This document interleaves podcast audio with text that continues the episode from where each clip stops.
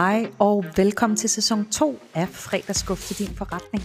Podcasten, der leverer en stjerneregn af guldkorn, serveret i helt små og lækre pakker af kun 15 minutter, fordi jeg ved, at din tid er guld værd. Her taler vi om sociale medier, marketing, branding og alt, der ellers hører til i rejsen til, at du får skabt din drømmevirksomhed. Bag mikrofonen, der sidder jeg. Jeg hedder Shelle Lilly. Jeg er en kreativ og krøllet hjerne, der nu er to omgange har bygget millionvirksomheder op, helt fra bunden. Og her, nu, i dit øre, vil jeg dele alle mine erfaringer og metoder. Lad os komme i gang med dagens episode.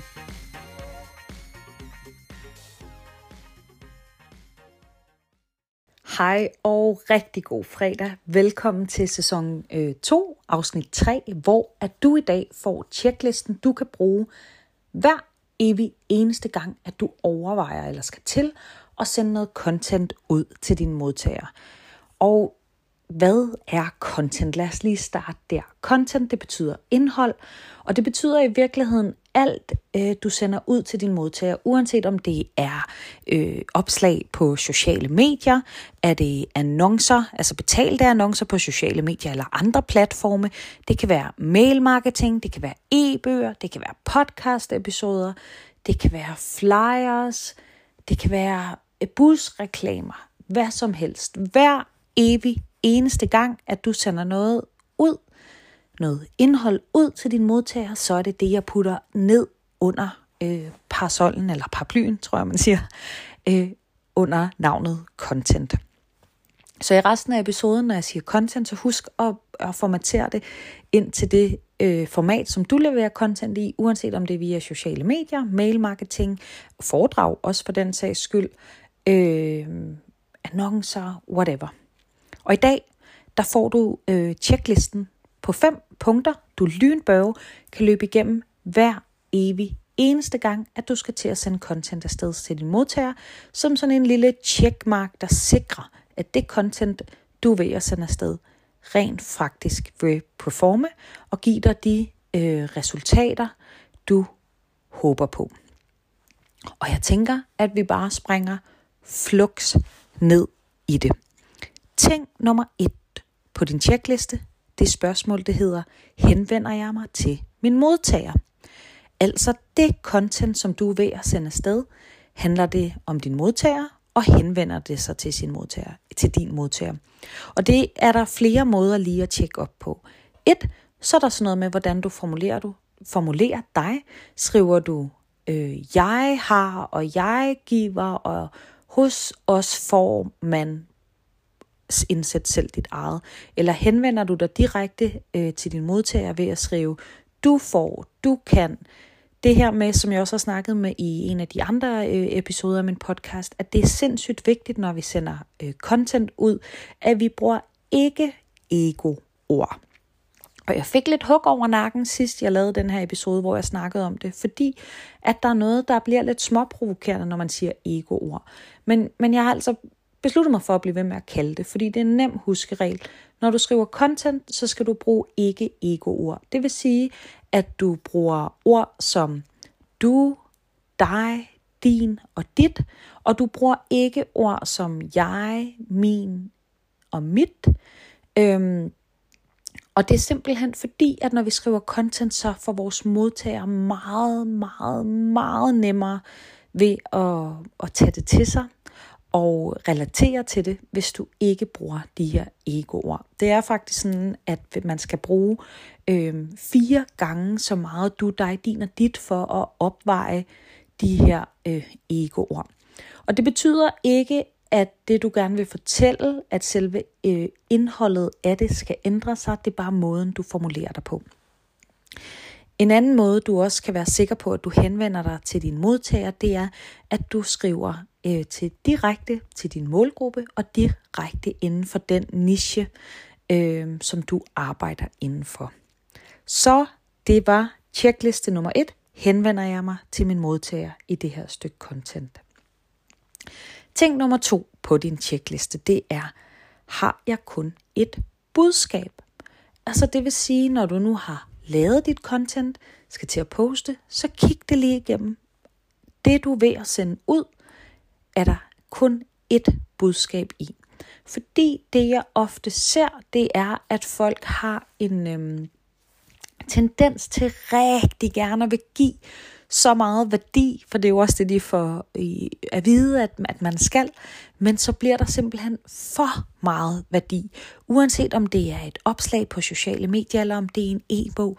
Husk, det er kun til din egen fordel, hvis du har så meget, øh, Øhm, du gerne vil sige, at du kan presse mere end et budskab ned i noget content, så del det op i flere, for det er kun til din egen fordel, at du nu i stedet for at have kreeret for eksempel en bog, en e-bog med flere budskaber i, rent faktisk kan formatere det ud til tre eller to bøger, eller tre eller to opslag.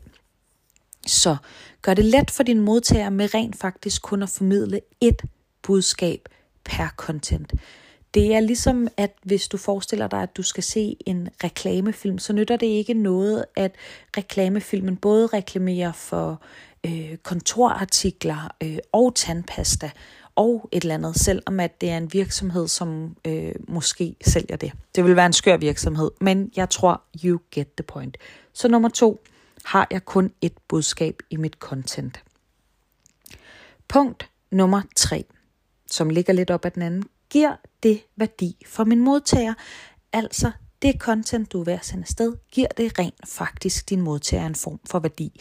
Og til jer, der har hørt forrige episode, der snakkede vi jo rigtig meget om værdi, så hvis ikke du har hørt den, og du hører det her, den her episode, så op ind og hør der, fordi der kan du bruge det her værktøj, jeg snakker om der, nemlig værdivippen, som er et af mine fuldstændig favoritværktøjer til, når man laver content til at opveje den her værdigivning kontra det, at du beder din modtager om. Så den vil jeg ikke dykke meget mere ned i, for den er der en hel episode, der handler om, som er super lækker.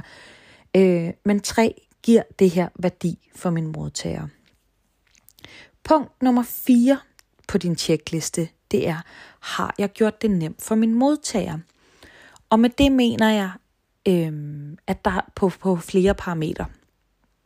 Et, har jeg gjort det nemt for min modtager at blive stoppet i og, og blive interesseret i det her content. Det kan være enten i form af en god øh, grafik, det kan være i form af et billede, der fanger, det kan være i form af øh, en headline, hvis det er et, et billedløst eller et grafikløst øh, content, du sender ud, har jeg lavet en god hook. Altså har jeg gjort det nemt for min modtager for det første at blive fanget, og herefter den lille øh, customer journey, de skal på, efter de har mødt dit content. Altså gør, er det nemt for min modtager at stoppe op? Er det nemt for min modtager at læse det? Og er det nemt for min modtager at forstå budskabet i mit indhold? Og er det nemt for min modtager så at lave den call to action, som jeg håber, du altid har på content, du sender ud.